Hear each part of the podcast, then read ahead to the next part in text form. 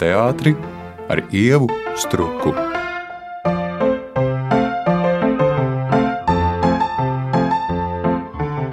Raidījums Šņurbēniņš sāk savu rudens sezonu, un šī pusgadā man iecerē ir aicināt uz sarunu dažādu teātra profesiju pārstāvjus, kuri ikdienā uz skatuves nekāpj. Un tā ir sanācis, ka sākšu no galvgala, jeb no teātra direktora amata. Un tāpēc studijā ir Valmēras drāmas teātra direktore Evita Ašarādena. Labdien, Evita! Labdien! Vasaras izskaņas šņurbēniņos ienāca dzēja, jo ir dzējas dienu laiks, un tu savā laikā arī esi iemēģinājusi roku dzējā. Vai šis ir dzējas laiks, un vai tev šis ir laiks dzējai? uh, uh, jā, no komforta zonas izsmeļs jautājums. Skaidrs, ka cilvēks, kas kaut ko grib rakstīt, sāk ar dzēju. Kaut kāda mētāšanās bija, un nē, es paskatos tos vecos tekstus, kas ir iedziedāti ar mūziku, nemaz tik šausmīgi slikti nav. Bet vai ir dzējas laiks, es nezinu. Man liekas, ka dzējas laiks var būt vienmēr. Tas jautājums ir, vai tu to pamani vai nepamani. Nu, mums ir dusmīgā dzēja, mums ir romantiskā dzēja, un šobrīd iespējams, ka var eksistēt abi, gan šī depresīvā, jo tomēr tik daudz kas un strauji mainās. Gan tāpēc, ka mainās tie saziņas līdzekļi un sociālā tīkla iekaro lielāku uzmanību un nevis grāmatas bet iespējams, ka tas arī palīdz vairāk izplatīt. Es domāju, ka, nu, jā, nu, dzēja, un pat ja tu nesaceri to dzēju, bet viņi lasa to dzēju, viņi nomierina. Es zinu, ka mani, mani bērni, lai nomierinātos, viņi vienkārši dzied, nu, un tur arī dzēja. Tas, ka kāds ir radījis kaut kādas domas, kuras tev palīdz noformulēt tavējās, tas palīdz. Nu, es šo to dažreiz dungoju. Jā. No tā nevar tikt vaļā. Kaut kādos svinīgos brīžos tieši parādās kaut kādas domas dzējā, bet nepaspēju pierakstīt. Vai dzējai ir laiks būt uz teātras skatuves?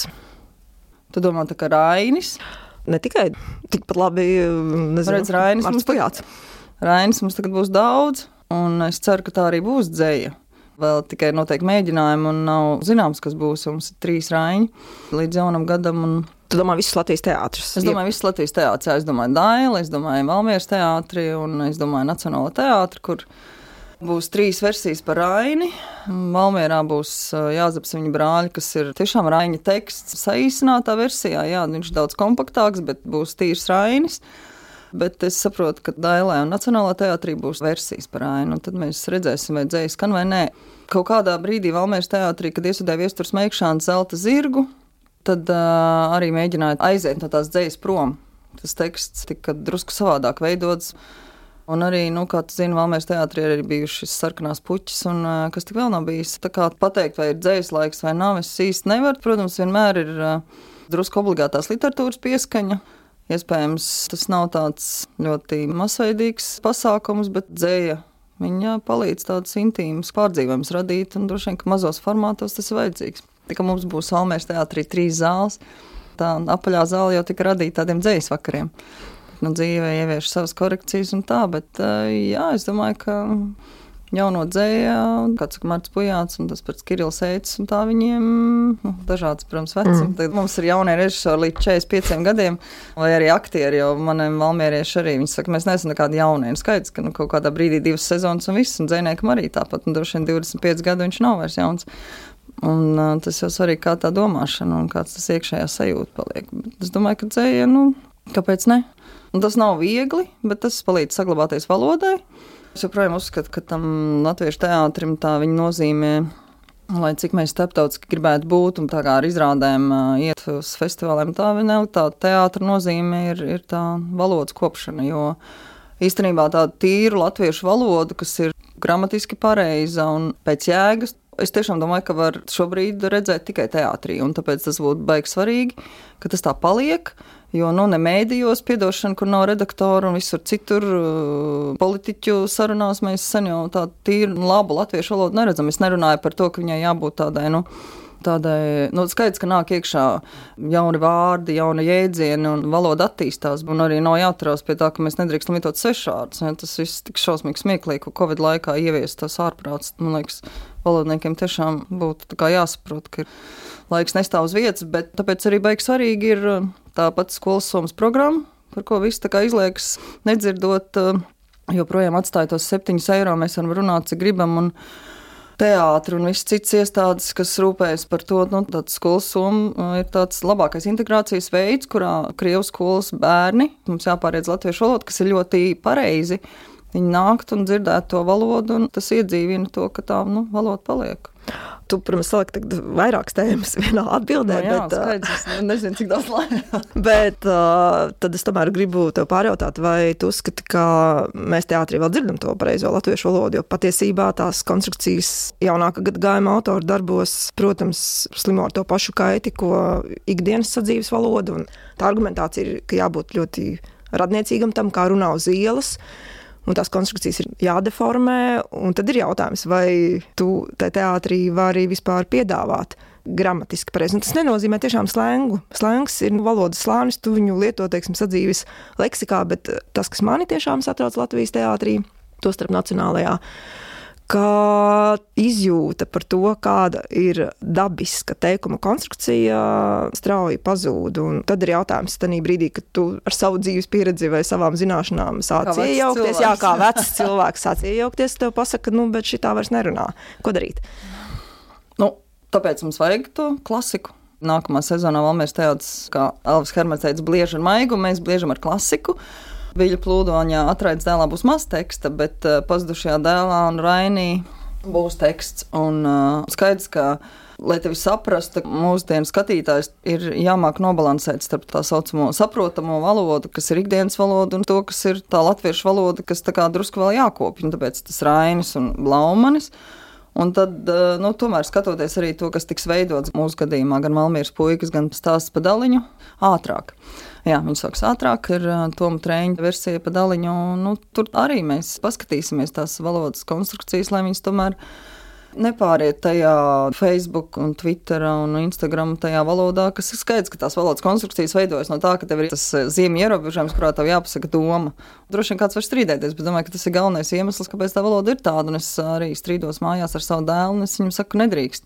Lai kaut kā kopu to valodu, nu, tomēr arī tās īziņas, nu, vismaz man, viņš raksta pieturzīmēm un garumzīmēm. Nu, ar draugiem arī, protams, ir ļoti daudz tie gan anglicismi, gan ārprātīgi saīsinājumi kas man padara nervozu, jo tā valoda līdz ar to pazūd. Viņa drīz runās vispār tikai ar līdzskaņiem.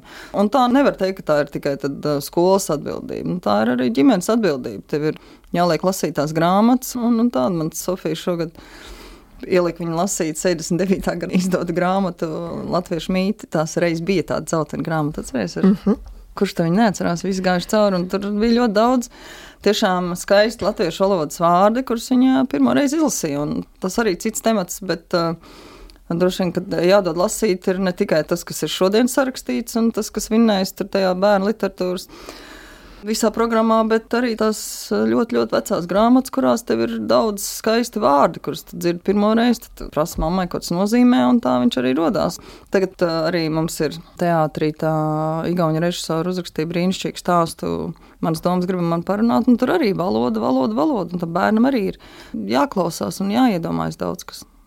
Skaidrs, ka es arī neesmu pret to, ka lietot lamu vārdus. Ja baigi vajag, tad to var darīt. Un droši vien, ka tādā ziņā man etalons ir kroders kuram bija absolūti perfekta valodas izjūta.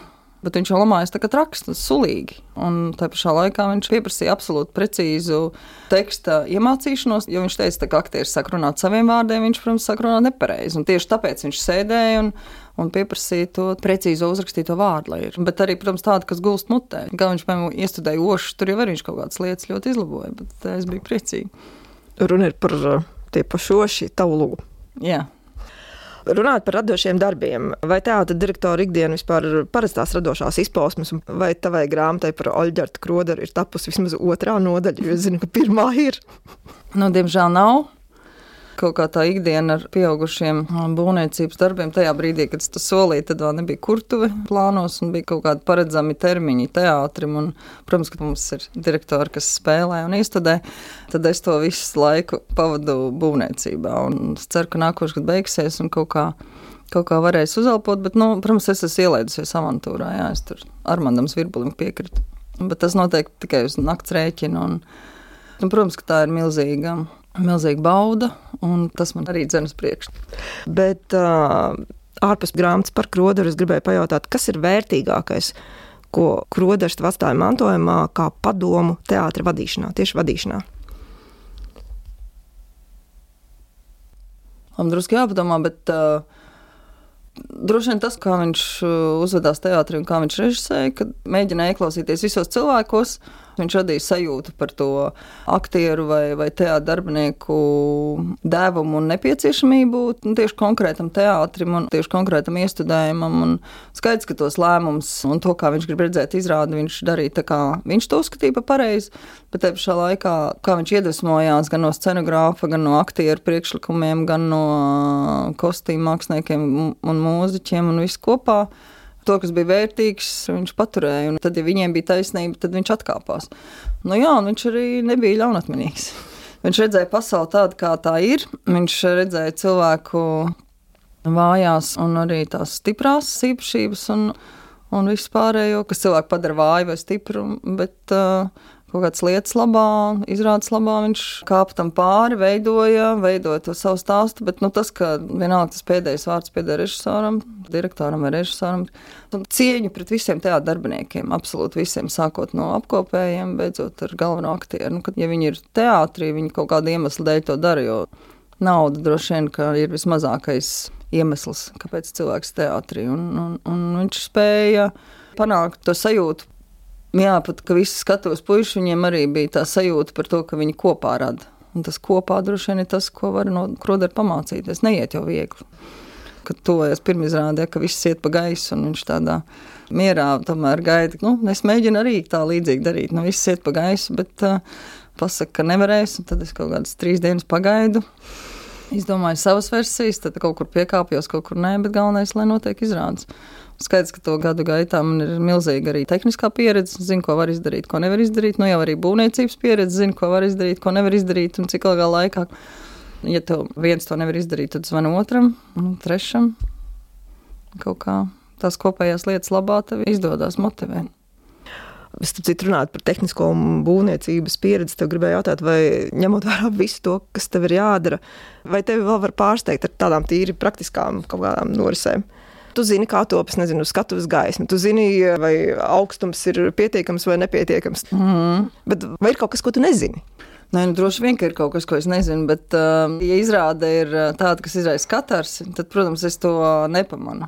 Bet uh, lielākoties es skatoties izrādes visos teātros, es jau redzu, kā tas ir uzbūvēts. Sliktākais, kas arī var paredzēt, kas notiks tuvākajā laikā un kāpēc kaut kas ir skatuves, kā viņš ir panākts man var pārsteigt pilnīgi ar kaut kādām absolūti parastām lietām. Ar kaut kādu baigtu tīru emociju un, un precīzām attiecībām. Nu, es tad vakarā skatījos, mums bija um, ģenerāla mēģinājums diezgan vecai izrādē, 21. gada izrādē, nu, vecai divi gadi. Labie cilvēki, kur Elīna Vāna galvenā lomā, kas nu, ļoti mīļi izrāda, viņi tad brauks izbraukumos pa Latviju.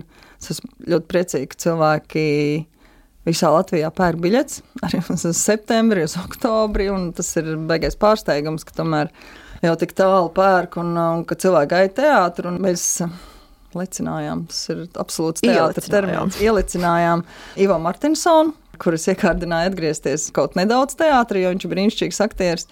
Tā ir Aiga Rapiņa loma, un viņš kādu brīdi būs tajā lomā izbraukumos.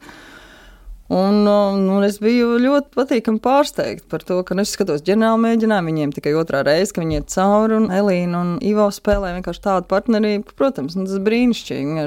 Tas, kas, protams, nāca šo gadu laikā, ka es varu nu, arī gan pazīstot aktierus, gan arī vienkārši pazīstot teātris, es nolasu viņu domas, un tas ir nenormāli skaisti. Es skatos, kas notiek tajā Martinsona galvā. Un tas ir fantastiski, ka viņš panāk to. Un Elīna vispār šajā lomā ir brīnišķīga. Es ceru, ka Latvijas skatītāji tiešām piedzīvos patīkams mirklis. Tā kā ir paralēli jāzaps un vēl citas praktiskās lietas, tad mm, Rihards Jakavela vietā būs Edvards Johansons un, un Aigar vietā. Ivo Martinsons, un par to man liels prieks, un es jau ceru, ka Ivo būs āķis, un kaut kādā brīdī viņš tomēr kaut ko vēl paspēlēs.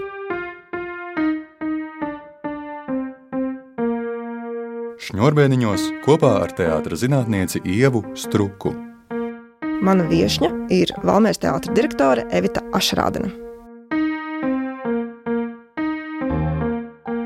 Kas ir visgrūtākais, kam teātrī ir pateikt, nē, tā nebūs? Nu, Visticamāk, tās ir kaut kādas radošās lietas, nu, vizuālās lietas, kas prasa milzīgu naudu, ko tu kaut kādā brīdī nevar realizēt. Bet, tā, kad tu saki to nē vai jā, tu nevari nolasīt, nevar zināt, vai tev ir taisnība. Jo iespējams, tev sēž pretī scenogrāfs, kurš saka, ja nebūs šī elementa, tad tā izrāda nebūs. Un tu skaidri zini, ka būs gan. Bet tu to 150% nevari zināt. Tu zini apmēram 10% vai dažreiz arī pat 60%, ka būs un ka tas nav galvenais izrādes elements. Bet um, ļoti grūti strīdēties. Nu, vai nu 10,000 atdod uh, vienam izrādes elementam, vai tu 10,000 atdod uh, honorāros vairāk, vai nākamajai izrādē ieliec. Un tas visgrūtākais arī tāda veiksmes formula, jo zinu, ka teātrī nav. Tu vari sapulcināt visus pasaules labākos režisorus, scenogrāfus, salikt visu, un tev neaiziet. Tu esi tās kapitāla sabiedrības apstākļos, ka tev nav tāda brīvā finansējuma, kas ir iedots, un tu vari rīkoties. Un pat ja tā būtu, tik liela pieredze, ka es zinu, mēs te esam gājuši cauri, nebūs. nebūs. Bet uh, tu to vari pierādīt tikai atļaujot izdarīt. Un tad ir jāstāsta, cik tas daudz maksā. Ja tas maksā tūkstoši, tad, protams, tu vari ļaut eksperimentēt un to taisnīgi pierādīt ar to, ka tu zini, ka nebūs. Tas grūtākais ir starp to nē un jā atrast kompromisu, jo ir scenogrāfi un gaismāks nevis pārējie, kas saprot, ko tu saki, un ir tādi, kas nē. Tāpēc teātris kaut kādā mērā ir gan kompromisa māksla, gan arī tāda nu, audzināšanas skola, jo scenogrāfi pabeidz, viņi atnāk un trakākais, ka mums bija gadījumi, ka mēs skaidrojam, kas ir kulises cilvēkiem, kas beiguši mākslas akadēmiju, un beidzot ar to, kā tev skatuves dziļums kaut ko palīdz radīt. Klau, bet šis ir ļoti interesants punkts, pie kura apstāties.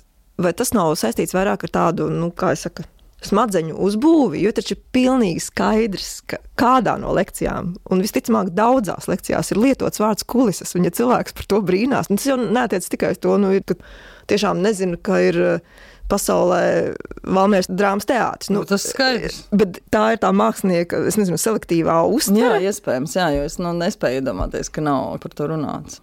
Iespējams, ka jātaisa vairāk prakses teātrī, kur tu izēji to, jo katrs jauns scenogrāfs, kas parādās teātrī, tas ir ļoti skaisti. Bet Te pašā laikā tas ir liels galvas sāpes tehniskajai komandai, kas ir pieradusi atnākt profesionāli sazīmē parādē. Ja? Kā to dara Mārtiņš Vilkārs, Reins Uhanovs, Dzillo un, un kas tik vēl nē, ja, piemēram, Pamela Butāna brīnišķīgi arī scenogrāfa, kas arī fantastiski iet uz kompromisiem, atrod tur vedamās, jo tagad Valmērs teāts arī tādā situācijā, ka mm, mums ir tā apaļā zāle, kur mēs spēlējam, Bet nu, arī visu laiku tā, nu, kurā brīdī kaut, kaut kas no jumta līs, vai arī kā varēs. Šobrīd lielākā problēma, kas ir ļoti smieklīga, nevis tagad bijusi, bet tur no administratīvā bloka nevar aiziet pa taisno caur lielo skatu uz apaļo zāli, neko ienest, jo tur priekšā ir stalārs. Tur tagad būvē visu laiku. Jā. Un tad viņi iet caur apaļās zāles skatītāju durvīm, nes pa ielu apkārt uz otru pusi kaut ko, ko vajag. Un līdz ar to scenogrāfiem ir jāievēro arī kaut kādi parametri - augstuma, platuma un garuma. Un arī vēl tāds sīkums, kā ir kaut kādas lietas, ko nedrīkst skrūvēt pie grīdas, jo Latvijas kultūras namos ir sabūvēta remonta par Eiropas naudu un, un, un ielikts tādas grīdas, pie kurām neko nevar skrūvēt. Līdz ar to mums ir saraksts ar Latvijas kultūras namiem, kuros mēs nevaram aizvest apmēram pusi no izrādēm, jo tur ir skrūvējums pie grīdas. Tad uh, mums scenogrāfiem ir jālūdzies, šī tā būs braucama.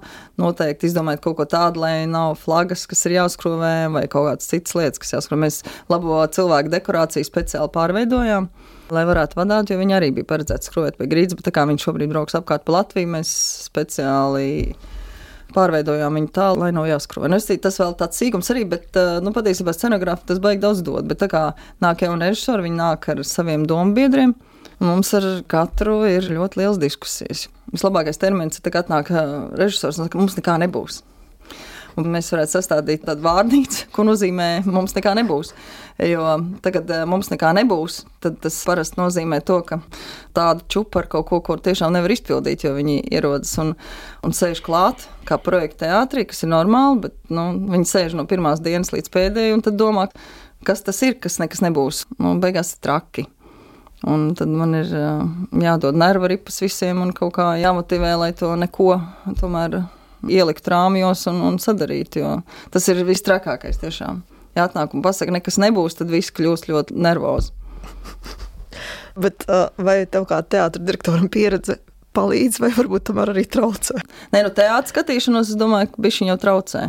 Bet tajā pašā laikā es saku, ja ir kaut kas ļoti skaists, es pilnīgi varu atslēgties. Mans pēdējais pārdzīvums bija nerunāt par Valmieras teātris izrādēm, kas ir sēras piestāve elektrai un nelabijā. Un es katrā no savas teātris iestudējumiem kaut ko gūstu, bet, piemēram, Žižeka un, un Žižeks Petersons, gadsimta Petersons, jā, tur es absolūti varēju vispār aizmirst visu un, un skatīties un baudīt, tā kā nav jau tik traki. Nē, nu skaidrs, ka kaut kādā mērā traucē, bet es varētu rakstīt labas recenzijas. Kas ir tas radošais radars? Ar kuru tu ķer to, kas ir aktuāls pasaulē, un vai tas, kas ir aktuāls pasaulē, var būt aktuāls arī mākslā un kultūrā? Jo brīžiem man subjektīvi ir tā sajūta, ka pasaules notikumi un tie mākslas notikumi, dzīvo tādu atšķirīgu dzīvi. Kā tu tēmē uz pasauli un, un zini, ka par šo tomēr būtu jārunā teātrī? Ir dažādi. Piemēram, es domāju, ka Holivudas histērija par politkorektumu ir Holivudas histērija. Paliksim pie tā, jo Latvijas sabiedrība man liekas, ka viņa tomēr ir diezgan normāla. Un ka mums nevajadzētu ieviest kaut kādas normas, par ko tu vari dabūt Oskaru tas paliek kritiķa ziņā, un tomēr tā kvalitāte, vienalga kādā valodā vai, vai tēmas, tas nav galvenais, galvenais kvalitāte. Protams, mēs nevaram izlikties, ka nav kara, mēs nevaram izlikties, ka nebija covid, tāpēc arī tā regnāra izlaide, lai kāda viņa būtu. Man liekas, ir svarīgi kaut kā paskatīties atpakaļ uz tām kļūdām, jo tagad mēs visu laiku lasām, ja tur ai, vajadzēja potēties, vai nevajadzēja potēties, vai tomēr tur tas un tas kaut kāds secinājums sāk izdarīt, jo nav jau tā, ka viss beidzies. Protams, ka gan tas karš Ukrainā, gan, gan Covid, gan arī sociālā tīkla ir mēdīja pasaule, viss ir ļoti mainījies. Tas kaut kādā ziņā nedrošība, ieviesis milzīgu nedrošību, milzīgu populismu. Mēs jau redzam, kas notiek mums apkārt politikā arī notika un notiek, un, un nu, vajadzētu kaut kā piešķirt vērtību gudrībai un saprātam. Droši vien, ka teātris var dot kaut kāds mājiens, bet nu, galvenais, kas ir, nu, nevajag histēriju arī jebkurā gadījumā, nu, un nevajag arī pārspīlējumos, ka visiem jātaisa par covid vai visiem jātaisa par karu, jo mēs redzam, nu, ka cilvēks jau tāds, viņš piemērojas visam, kā mēs redzam arī. Lai cik briesmīgi nebūtu, arī Ukrainā cilvēki iet uz skolu bērnu un, un mēģina dzīvot to dzīvi, kāda tā ir. Un, es domāju, ka saturam milzīga nozīme. Jā, drīzāk tas nu, galvenais ir saglabāt to spēju redzēt tās lietas pēc būtības. Es domāju, visos laikos ir bijuši amata apraksti. Bet nu, šobrīd tas ir vismaz manā sajūtā, atkal no jauna ir ļoti būtiski un tam tiek piegriezta liela vērība, kur ir dažādi punkti. Un tad man tas, tas jautājums, teātris, direktora amata apraksts. Es domāju, ka ļoti grūti definēt visu to, ko viens cilvēks eh, dara šajā amatā, bet uh, es neuzdošu jautājumu, kas ir labs direktors, bet pēc tavām domām, kas šādā kaut vai iedomātā aprakstā ir punkts, numur viens, ja pats svarīgākais? Nu jā, jau prasīs kultūras ministrijai. Viņa teiks, nu kā galvenais ir pildīt deleģētās funkcijas, nodrošināt kapitāla sabiedrības eh, nepārtrauktu darbību un finanšu plūsmu ja, bez zaudējumiem. Nu, zin, kā, es domāju, ka šī brīža karstie teātris notikumi, ja, no kā mēs nevaram abstrahēties, kas gan kā, biedē, raisa visādas pārdomas, man liekas, ka mm, norāda to, kas ir tas pats galvenais. Teātris direktoram trīs pamatlietas, kas ir, bet nu, tas galvenais kaut kādā brīdī nu, svarīgi nepazaudēt to sajūtu, ka tev tā komunikācija kolektīva ir pati galvenā, ka tev ir uh, jājūt, kas notiek, jāsaprot, kurā brīdī kur kas uzšvirkst. Kurā brīdī kaut kam ir nodarīts pāri, un tas rūkums ir krājies, un, uh, un tu neesi pamanījis par ko. Droši vien, ka visu laiku ļoti svarīgi ir tomēr tā realitātes sajūta, ka tu sevi vēro no malas, vai arī nu, dabū gudrs padomnieks, kas tev pasaka, kur tu šau greizi, vai kas ir labi. Nu, tā pašā laikā, protams, ka tādas arī ir reāls lietas, ir kaut kas, ko tu vari ietekmēt, kaut kas, ko tu nevari ietekmēt. Un, Tu dari visu no sirds, bet tev neveicās. Vienkārši arī kaut kādā brīdī, nu, tev pēkšņi skatītāji nenāk. Un, nu, es domāju, ka tas arī galvenais, ja tiem cilvēkiem nevar samaksāt labas algas, Un cilvēkiem šobrīd teātrī nu, ir dažiem zem vidējā Latvijas. Zem vidējās Latvijas algas rodas vēl vairāk tas viss. Bet, nu, droši vien, ka tas galvenais ir nepazaudēt to komunikāciju, lai ir, lai ir kaut kāda normāla informācijas aprite par notikumiem, lai nerodas savas versijas par to. Tev vienkārši tas, ko es tev sākumā teicu par to kroderu, ka tev ir jārada tā sajūta un jāuztur tā sajūta par visu cilvēku piederību un vajadzību tai kopējai lietai. Un es nezinu par citiem, bet es cenšos darīt vairāk kā cilvēks spēj izdarīt. Un, ja kāds to redz un novērtē, tad jau viņiem arī uzreiz, es ceru, ir tā sajūta, ka tiek darīts viss iespējamais. Man ir tāda sajūta, ka es tomēr mēģinu darīt visu, ko vien varu, lai cilvēkiem būtu kaut kāda sajūta par attīstību. Un vairāk šobrīd es tiešām nevaru, bet es ceru, ka varēšu. Nākamā gada būs jauni izaicinājumi. Un, bet, uh, jā, nepazaudēt realitāti un tā komunikācija, lai nepārtrūkst. Jo skaidrs, ka teātrī tu nevari vadīties no tā, ka tev ir apkārt eh, tikai draugi, jo tā nav. Un skaidrs, ka tu esi vientuļš līdz ārprātam, un tev ir nu, jādomā, ko tu runā, kam runā. Un tā pašā laikā vienkārši es tiem cilvēkiem uzticos, un esmu ļoti priecīga, ja man uzticās. Var jau smieties par to ģimenes sajūtu, bet nu, kaut kā tā ir. Ja tu palīdz gan no dzīvokļu meklējumiem, mm, no ārstiem, beidzot ar kaut kādām tādām lielām uzvarām. Bet nu, no, no rakstura, cik daudz ieguldījis tajā un cik ir tā sajūta par to ieguldījumu. Grūti, bet tur arī tiešām ļoti daudz visādi ārēji apstākļi, kas to diktē, nediktē, un arī tie paši skatītāji. Tur viņi kā skrodardienās ne, uzmīl, un tu nezini, par ko. Ja. Tā ir, un tad arī nemīl, un tu nezini, par ko. Un tu stāvi un vienkārši bāc jābūt, bet nav. Un tas ir ļoti pateicīgs, ka ir. Un kaut kādā mērā, protams, tas Valmieras veiksmes stāsts ir nu jā, trīsvienībā, kas tad bija, ja tur krodēs ķimele. Macelēvičs, kas pārauga Brasla, Deičs un pēc tam Kroders. Kaut kā, viens nevar, tad otrs var. Tas tā kā basketbolā. Tev nav līdera, bet tu vari paņemt to. Ja?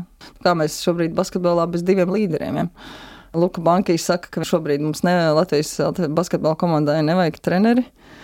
Skaidrs, ka viņš ir izdarījis visu, lai to treneru nevajadzētu. Un tad droši vien režijā tāpat ir. Kritiķi arī redz, viņi režisoru nenominē, viņi nominē aktierus. Nu, droši vien tā režisora gandarījums ir tas, ko Luka Banki saka. Nu, Reku šitie džeki var bez treneru. Un nobeigumā, ņemot vērā, ka Valmēras teātrā ēka tiek rekonstruēta un raidījums sauc šņurbēniņi, tad jautājums ir par šņurbēniņiem vai tavos spēkos ir bijis arī nezinu, nepieciešamība, tev ir bijusi kaut kādā veidā arī ietekmēt to, kā izskatās šņurbēniņi. Nu jā, Valmieras teātris un šņurbēniņi. Varbūt tu vari šo komentēt, pirms mēs noslēdzam. Šņurbēniņi, šņurbēniņi. Tur neko. Nekā romantiska tavā valstī. Nē, tur ir viss romantiski, Jā. bet uh, ko es tur varu ietekmēt? Nu, kā ņurbēniņiem jābūt, un tas, ko tu vari ietekmēt, cik tu iekar daudz, cik augstu aiziet dekorācijas augšā, un, un jā, tā ir ietekme, nu tā tev tur karājas ekrāns, kurš nostiepts tur, nu, visi tie lukturi, kas tur ir, un tā, tas ir, ko tu vari ietekmēt. Nu, šnurbēniņi visā citādi ir romantiska vieta, kur ir vienmēr prieks uzkāpt, un ko es varu ietekmēt, es varu. Tā kā mums, ja tu zini, Valmieras teātrī bija tās brīnišķīgās evakācijas trepas, kur varēja uzlikt tādu 25. izmēru pēdiņu, tagad varēs uzlikt mierīgi 47. 49. izmēru, Mums ir uztaisīts brīnišķīgs evokācijas trepas, un visticamāk, ka tad, kad atvērs jauno lielo zāli, kura būs pārbūvēta, jo ložas ir izjaukts. Iedomājieties, es tur eju un ložas ir izjaukts jau tad eh, arvien vairāk vien izmanto šīs trepas, lai aktieri skraidītu, mm, iet pāri tiltiem arī izrādes laikā. Tas nozīmē, ka staigās ne tikai teātris gari, bet arī aktieri ar 47. Nu, izmēru pēdām. Ja? Mierīgi, jā, ja rutiņā skrēja pa tām mazajām trepītēm, es domāju, šobrīd nu, tās evakācijas trepas ir tik brīnišķīgas un, un skaistas, ka tādā varēs. Un lift arī mums būs, tā kā varēs izmantot tos skatus tiltus, lai, lai staigātu. Nu jā, mēs esam, man liekas, viens no nedaudziem teātriem, kurš tos skatus tiltus ir izmantojis ļoti skaisti joprojām. Idiots citos izrādēs, kas ir bijis, daudz nav, bet ir bijis, tās ir bijušas ļoti iespaidīgas. Evita, nu, man jānovēl laba sezona. Jāsaka, tev paldies par sarunu. Mana viesņa raidījumā Šņurbēniņi bija Valmērs teātra direktore Evita Ašrādena. Ar viņu sarunājās Ieva Struka.